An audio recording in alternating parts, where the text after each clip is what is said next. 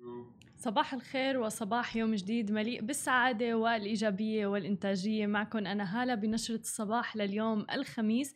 اليوم بنشرة الصباح أكيد رح نحكي عن آخر المستجدات تحديدا الاقتصادية بانفجار بيروت. بالإضافة إلى ذلك بدنا نحكي عن أسعار النفط أسعار الذهب وبالأخير بدنا نحكي عن آه، ميزة Reels من إنستغرام الجديدة. وخلونا نبدأ بأول خبر معنا لليوم عن انفجار بيروت وآخر المستجدات التي طرأت طرأت عليه حيث أعلنت الحكومة اللبنانية تحديدا يوم أمس الأربعاء حالة الطوارئ لمدة أسبوعين في بيروت بعد انفجار هائل في منطقة الميناء الذي هز المدينة أمس الثلاثاء. وأسفر الانفجار الذي وقع في مرفأ بيروت عن مقتل 135 شخص على الأقل وإصابة أكثر من 5000 شخص بالإضافة إلى تشريد حوالي 250 ألف شخص. وأصدر مجلس الوزراء تعليمات للجيش بفرض الإقامة الجبرية على أي شخص مشارك منذ عام 2014 في إدارة المستودع اللي كان بضم ويحتوي على كميات ضخمة من المواد شديدة الانفجار. ولدعم الوضع في لبنان وافق المجلس على مخصص استثنائي بقيمة 100 مليار ليرة لبنانية للتصدي للأزمة. ويساوي هذا المبلغ تقريبا 66 مليون دولار على أساس سعر الصرف الرسمي الذي يبلغ 1500 ليرة للدولار.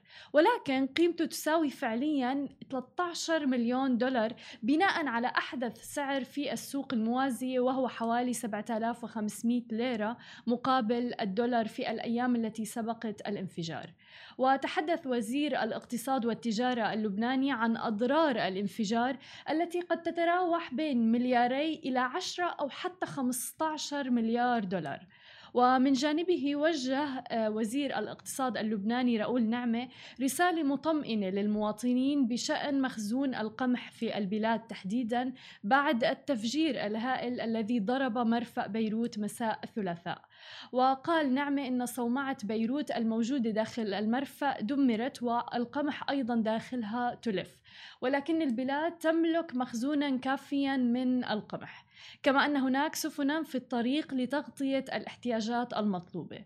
وقال البنك الدولي يوم أمس الأربعاء أنه مستعد لتقييم الأضرار والاحتياجات في لبنان بعد الانفجار المدمر وسوف يعمل لحشد التمويل العام والخاص أيضا لإعادة الإعمار والتعافي لبيروت.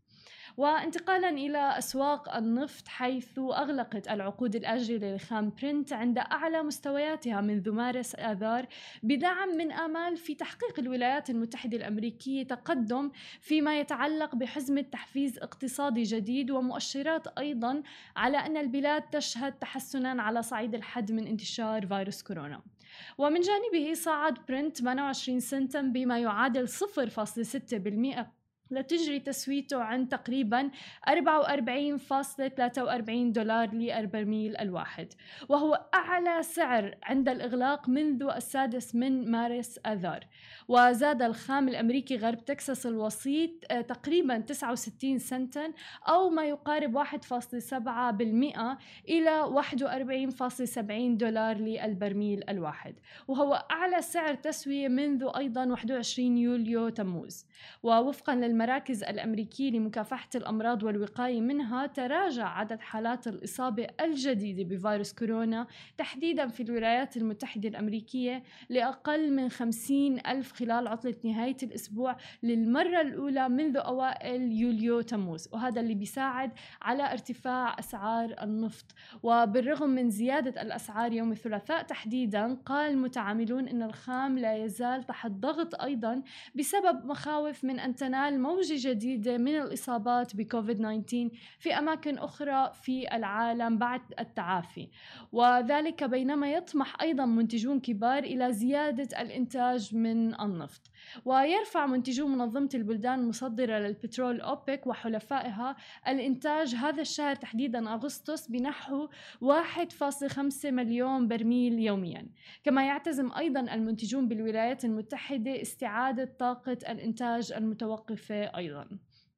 أما إذا بدنا ننتقل إلى أسعار الذهب أيضا الذهب الذي بات الملاذ الآمن للاستثمار في الوقت الحالي حيث واصلت أسعار الذهب تحطيم الأرقام القياسية فوق مستوى الألفي دولار للأوقية. وبلغ سعر المعدن النفيس 2041 دولار يعني حوالي تقريبا لكل 31 جرام في بورصة لندن. بعد أن تجاوز حاجز الألفي دولار آه، الليلة الماضية. ويأتي ارتفاع الأسعار مدفوعا إلى حد كبير بحالة عدم اليقين الاقتصادي بسبب جائحة فيروس كورونا وانتشاره في البلاد.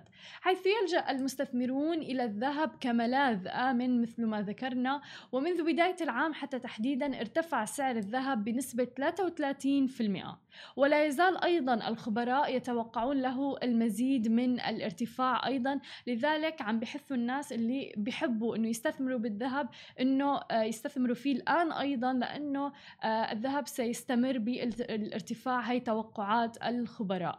كما ارتفع أيضا الإقبال على شراء الذهب في ظل ضعف الدولار أيضا اللي أصبح حيث أصبح المعدن اللي عم بيتم تداوله دوليا الآن بالدولار أرخص في الأسواق العالمية خارج الولايات المتحدة. ويقول الخبراء أن الذهب سيستمر في الارتفاع مثل ما قلنا ولذلك ممكن الناس أنها تروح وتستثمر فيه.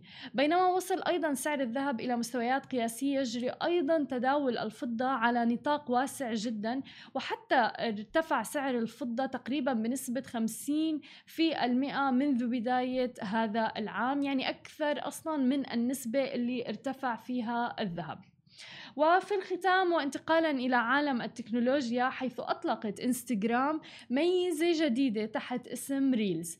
هاي الميزة الجديدة تسمح لك بإنشاء مقاطع فيديو قصيرة مدتها 15 ثانية فقط باستخدام خلفية موسيقية تعمل الميزة تماما مثل تطبيق تيك توك.